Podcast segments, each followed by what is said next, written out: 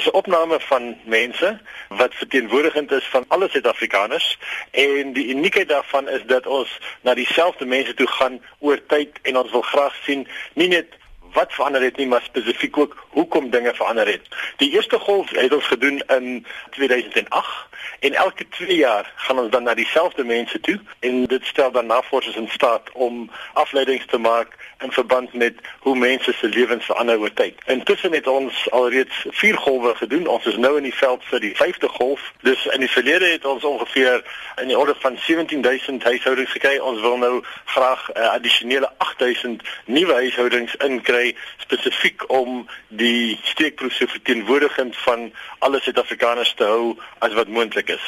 Hoe kies julle hierdie huishoudings? Dit is 'n baie ingewikkelde statistiese proses. Wat ons doen is ons kyk na die sensus van 2011.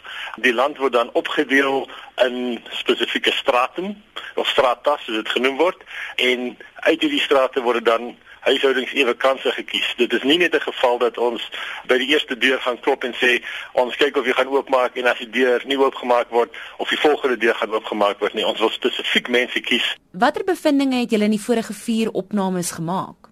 Van die meer interessantes waarvan ek bewus is, is as 'n mens kyk na mense wat rook. Ek het spesifieke belangstelling in rookbeleid in Suid-Afrika en as 'n mens gaan kyk wat is die impak van pryse en ander invloede op mense se uh, besluit om te begin rook. Vind ons dat die prys 'n beduidende impak gehad het op mans se besluit om te begin rook, maar nie 'n baie groot invloed op vrouens se besluit om te begin rook nie. Ons ervaring is dat mense wat vroeër oor 'n verskeidenheid van sosio-ekonomiese inkomste groepe gerook het, vind ons dat daar nou heelwat minder mense is uit die laer en armer ekonomiese strata wat nog steeds rook. Dus baie mense wat arm is as gevolg van die prystoename van sigarette het besluit om nie meer te rook nie.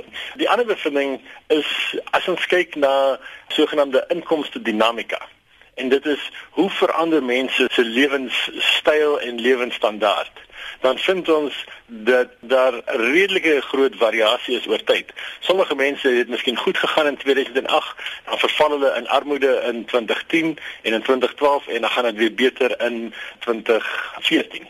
Ongeveer 10% van mense wat ons beskou as die middelklas het verval in armoede in enige van daai periodes tussen 2008 en 2015. Sou jy sê dit gaan beter met Suid-Afrikaners nou of of dalk slegter?